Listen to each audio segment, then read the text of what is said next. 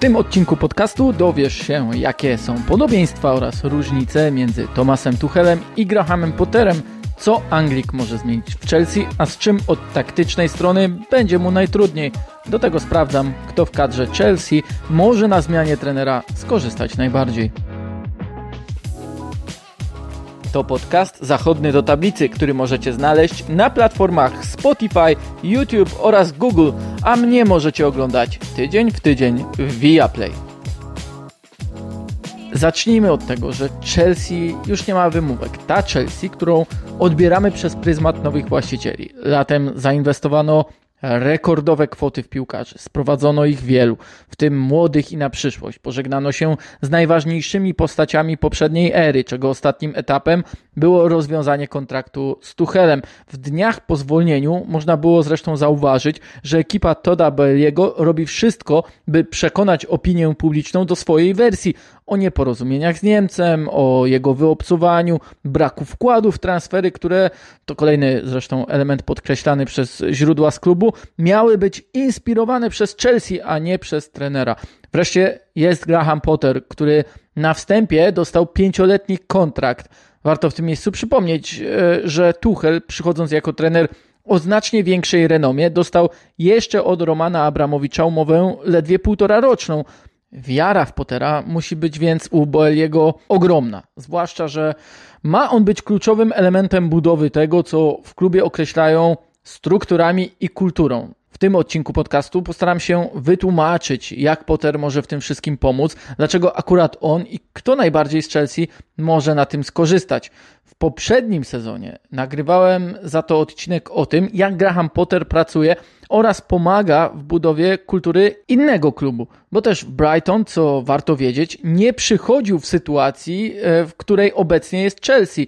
Wówczas ten klub posiadał już struktury, miał dyrektora sportowego i właśnie za sprawą tego szkoleniowca chciał wprowadzić pewne zmiany, obniżyć średnią wieku, zmienić styl gry. Potter był więc jedną z kluczowych postaci, ale nie tą najważniejszą, czy też nie tą, na której się wszystko opierało. Zresztą, przysłuchując się jego wywiadowi sprzed miesiąca, gdy rozmawiał z dziennikarzem Michaelem Calvinem, to mówił dokładnie to. Bez wsparcia osób wokół nie miałby szans przeprowadzić Brighton przez ten proces tak efektywnie. Nie mógłby skupić się na tym, co jest najważniejsze w jego fachu, czyli na prowadzeniu drużyny. W zasadzie więc mówił to samo, co Tuchel w ostatnich jego miesiącach w Chelsea. Szczególnie wyróżniał Potter wsparcie, jakie oferuje mu Kyle McCauley, który dołączył do Pottera już w Ostersund. E, co ciekawe, dołączył tam wysyłając e-mail do tego trenera, oferując swoje piłkarskie CV, choć Potter akurat poszukiwał współpracowników do sztabu. Ten zgodził się na inną rolę po półrocznym okresie stażu, zebraniu doświadczeń i pomocy w analizie gry, scoutingu został już e, w sztabie Pottera na stałe, aż do tego stopnia, że z każdym kolejnym awansem Macaulay e, również szedł za Potterem. E, w Swansea spełniał rolę Head of Recruitment, w Brighton był asystentem szefa tego departamentu, w Chelsea również będzie spełniał rolę już tej najważniejszej postaci. A tych ról do uzupełnienia w strukturach jest w Chelsea sporo, zaczynając od samego dyrektora sportowego. To nie będzie jednak odcinek o tym, jak budowana będzie odnowa Chelsea. Wolę skupić się na boisku. Poprzednie nagranie poświęcone Potterowi skupiło się na analizie gry jego zespołu właśnie przeciwko Chelsea. Wskazywałem na różnorodność ról zawodników, sposoby presowania rywali oraz to, jakie sposoby atakowania wybierało Brighton. Było to bardzo ciekawe, więc mogę chętnych słuchaczy odesłać do odcinka numer 74, zwłaszcza, że było tam sporo również o samym Angliku, jego karierze i tym, jak potrafi budować atmosferę, jak to robił w Szwecji, czego konkretnie wymaga od piłkarzy. Na razie zostańcie jednak ze mną, bo jeszcze kilka minut chciałbym spróbować przedstawić Wam to, jak Potter może zmienić Chelsea, kogo lepiej i w jaki sposób na boisku wykorzystać. Styl preferowany przez Pottera wcale nie różni się tak dramatycznie od tego, co proponował Tuchel. Nawet w tych ostatnich tygodniach pracy na Stamford Bridge. Pamiętacie pewnie podcastową rozmowę z Piotrem Wawrzynowym, który opracowuje dla Analytics FC profile stylów gry szkoleniowców. To narzędzie nazywa się Coach ID. Bierze pod uwagę 8 czynników, takich jak gra długim podaniem, w niskim pressingu, w fazach przejściowych, w kontrpressingu, w utrzymywaniu piłki w strefie ataku, szybkości jej wymieniania, grze skrzydłami oraz częstotliwości dośrodkowywania. Jedną z najważniejszych różnic jest to, że gra Brighton Grahama Pottera w porównaniu do tej Chelsea Tuchela była znacznie bardziej oparta na skrzydłach. Nie dlatego, że zespół Anglika wykonywał więcej dośrodkowań, po prostu tam tworzono przewagę. Kolejną ciekawą kwestią, na którą wskazują analitycy tej firmy, to fakt, że pod względem stylu Tuchelowi oczywiście jest bliżej do Guardioli, a więc jego zespoły idą w kierunku totalnej kontroli. Natomiast patrząc na to, gdzie na mapie stylowej szkoleniowców Premier League znajduje się Potter, to widzimy narzucające się porównanie z, uwaga, uwaga, Marcelo Bielsą, który prowadził jeszcze w poprzednim sezonie Leeds United. Jest tam chęć kontroli, ale też więcej budowania gry w strefie niskiej, także z elementami tworzenia przewagi właśnie na skrzydle. Nie zaskoczy więc Was to, że procentowy udział ataków środkową strefą Brighton ma niemal najniższy w Premier League, ale znów jest to wynik nieznacznie gorszy od tego Chelsea. Te podobieństwa stylu gry Brighton oraz Chelsea wychodziły także w meczach pomiędzy Tuchelem oraz Potterem. Każde z ich trzech spotkań kończyło się remisem, a Niemiec po pierwszym bezbramkowym e, rezultacie jeszcze w kwietniu 2021 roku mówił, że z Brighton gra się bardzo trudno, ponieważ kryją indywidualnie niemal na całej murawie. Do wygrania z zespołem Pottera tak mówił Tuchel, potrzeba wykorzystywania tych momentów, gdy traci się piłkę, gdy trzeba zareagować pressingiem, a Brighton wówczas dużo ryzykuje. Oczywiście w porównaniu stylów gry drużyn Niemca i Anglika należy wskazać pewne zastrzeżenia. Więcej zespołów grających z Brighton Pottera decydowało się na otwartą grę niż przeciwko Chelsea Tuchela. Także przez to, że z czasem wysoko ustawiona linia obrony Londyńczyków miała coraz większe problemy z bronieniem kontr, co zresztą Brighton również starało się w tych trzech meczach wykorzystywać. Jednak istotne jest to, że wyjściowo każdy z tych trzech meczów przeciwko Chelsea Potter zaczynał w innym systemie. Nie miało to aż takiego znaczenia, gdy przypomnimy sobie różnorodność ról u Anglika, ale pod samym względem umiejętności zaskoczenia, szukania różnych rozwiązań i nowych, choć te stare dawały przecież efekty, musi to u niego imponować. W tym odcinku istotne będą jednak różnice pomiędzy Brighton i Chelsea, nawet jeśli te nieznaczne. Ta najbardziej zauważalna jest taka, że tylko trzy zespoły stworzyły w tym sezonie więcej zagrożenia po atakach bezpośrednich niż Brighton. Jeśli chodzi o Chelsea, to jedynie cztery tego typu niebezpiecznych ataków miały mniej. To zresztą efekt tego, e, jak skuteczne było Brighton Pottera w szybkości gry po odzyskaniu piłki, umiejętności wymieniania jej płynnie na jeden-dwa kontakty, ale do przodu. Przypomnijcie sobie trafienia z Manchesterem United na starcie kolejki przeciwko West Hamowi w Londynie, czy nawet ostatnio z Leicester City. Tymczasem Chelsea, nawet odzyskując piłkę wysoko albo zatrzymując kontrę w pobliżu własnej bramki, próbowała w pierwszej kolejności odzyskać kontrolę, równowagę, stabilizację zawodników na konkretnych pozycjach, a nie od razu przenosić atak na drugą stronę. To, co mogło przekonać jeszcze mocniej Toda Belliego do zainwestowania w Pottera ponad 20 milionów funtów, to fakt, że Brighton tego szkoleniowca stawało się coraz mocniejsze i odważniejsze w spotkaniach z lepszymi zespołami. Ta pewność siebie drużyny rosła w zasadzie przeciwnie do tego, jak prezentowała się od początku sezonu Chelsea. Proporcja czasu gry Brighton w posiadaniu piłki w strefie obrony przeciwnika była wyższa niż ta Chelsea. Zauważalna różnica jest także w tym, ile zawodnicy tych drużyn wykonywali progresywnych wprowadzeń piłki. W przypadku Chelsea wiemy, że takiego profilu piłkarzy szukał Tuchel, ale z kolei Brighton znacznie częściej zdobywało sobie przestrzeń po prostu grając prostopadłe piłki. W efekcie, choć notowali ogółem znacznie mniej kontaktów z piłką w samej tercji ataku, to już w polu karnym mieli ich więcej. Był to też zespół kreujący więcej sytuacji z pressingu, częściej doskakujący do przeciwnika pod jego polem karnym. Tak zresztą Brighton zaczęło sezon od skoku pressingowego na Manchester United na Old Trafford. Co ciekawe, piłkarze Pottera inaczej korzystali z gry defensywnej. Aktywność Chelsea polegała na doskoku, na intencji odbioru piłki, zwłaszcza w strefie środkowej.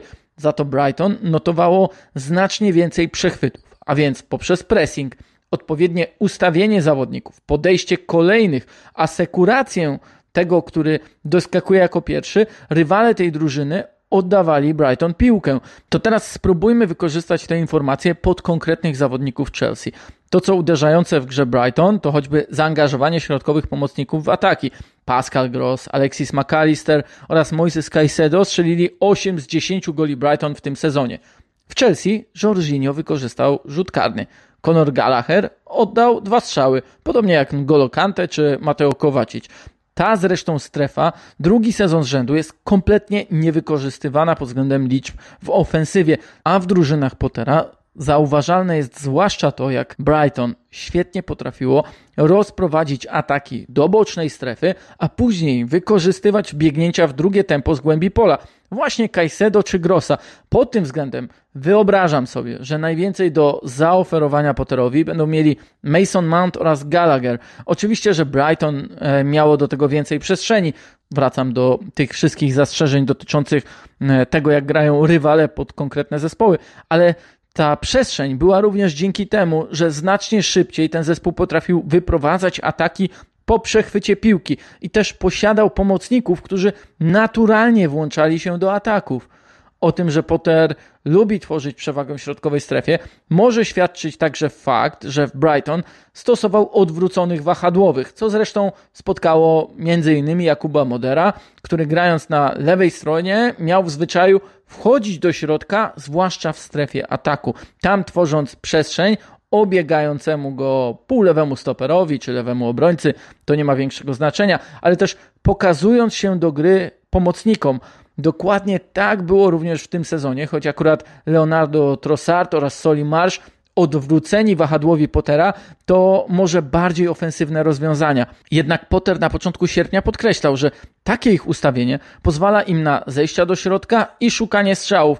Znów chodzi o zachowania w tercji ataku. Tych mają zresztą uderzeń najwięcej z Brighton. Co więcej, Anglik dodawał, że gdy na wahadłach ustawieni są zawodnicy z naturalnie dobranymi, wiodącymi w grze nogami, czyli lewonożny na lewej, prawonożny na prawej, to czasem jest trudniej tworzyć przewagę w środkowej strefie. Wynika to z tego, że zawodnik lewonożny ustawiony przy lewej stronie przyjmuje piłkę lewą nogą właśnie wzdłuż linii bocznej, gdy odwrócony wahadłowy będzie próbował dosyć naturalnie prawą nogą zejść do środka. Dlatego też często w kontekście systemu stosowanego przez Brighton mówiło się o 3-3-3-1, a więc ustawieniu w którym każda z formacji musi grać blisko siebie i na całej szerokości boiska, zależnie oczywiście od sytuacji i fazy gry. Także to wskazuje na bliskość Pottera we wcześniejszym porównaniu do Marcelo Bielsy.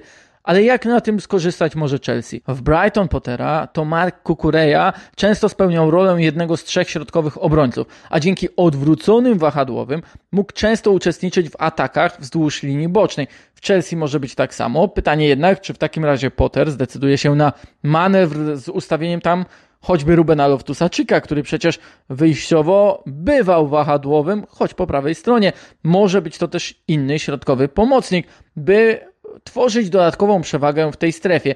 Na prawej stronie może być to trudniejsze, choć oczywiście Reese James jako półprawy stoper też często może korzystać z tego, gdy na przykład lewonożny Hakim Ziyech będzie zbiegał do środka. Kombinacji nie brakuje, choć Potter też podkreślał, że w przypadku jego Brighton współpraca wahadłowego następuje nie tylko z półśrodkowym obrońcą, ale też z pomocnikiem, który ze środka może włączać się do akcji szeroko. Podkreślał zwłaszcza to, jak wymieniali się u niego pozycjami Marsz z Grossem. Na pewno to właśnie tych piłkarzy, którzy u Tuchela grali mniej, musi w jakimś stopniu odbudować Potter, bo Chelsea nie może dać się zajechać przy tak natężonym terminarzu. Pulisic jest kolejnym takim przypadkiem zawodnika, którego profil bardzo nie pasował do grającej na utrzymanie, na kontrolę Chelsea.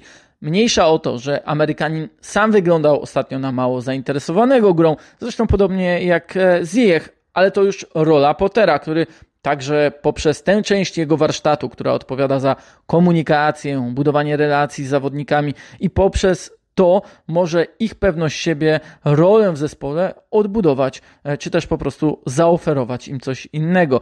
Na pewno patrząc na Chelsea ze strony ofensywnej, można dostrzec zawodników o bardzo różnych profilach.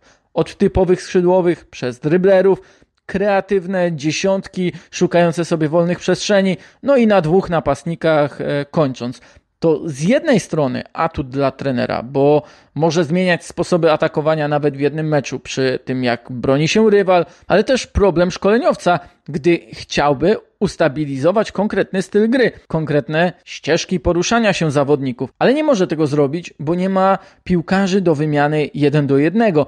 Każdy ma inne nawyki, także w szybkości operowania piłką. Trudno więc wyobrazić sobie, by Potter z miejsca zrezygnował ze Sterlinga albo szukał mu bardziej eksperymentalnej roli od tej, którą u Tuchela miał dosyć swobodnie określoną, tak to, e, tak to powiedzmy. Najczęściej widzieliśmy go na pozycji półlewego napastnika, wymieniającego się pozycjami z Havercem, a godzina gry z Obameyangiem w Zagrzebiu nie dała zbyt wiele odpowiedzi w kontekście tego, czy z innym napastnikiem będzie e, tej dwójce łatwiej, zwłaszcza, że grali oni bardzo schematycznie z Dinamo, nawet jeśli też udawało im się wykreować dwie, trzy sytuacje.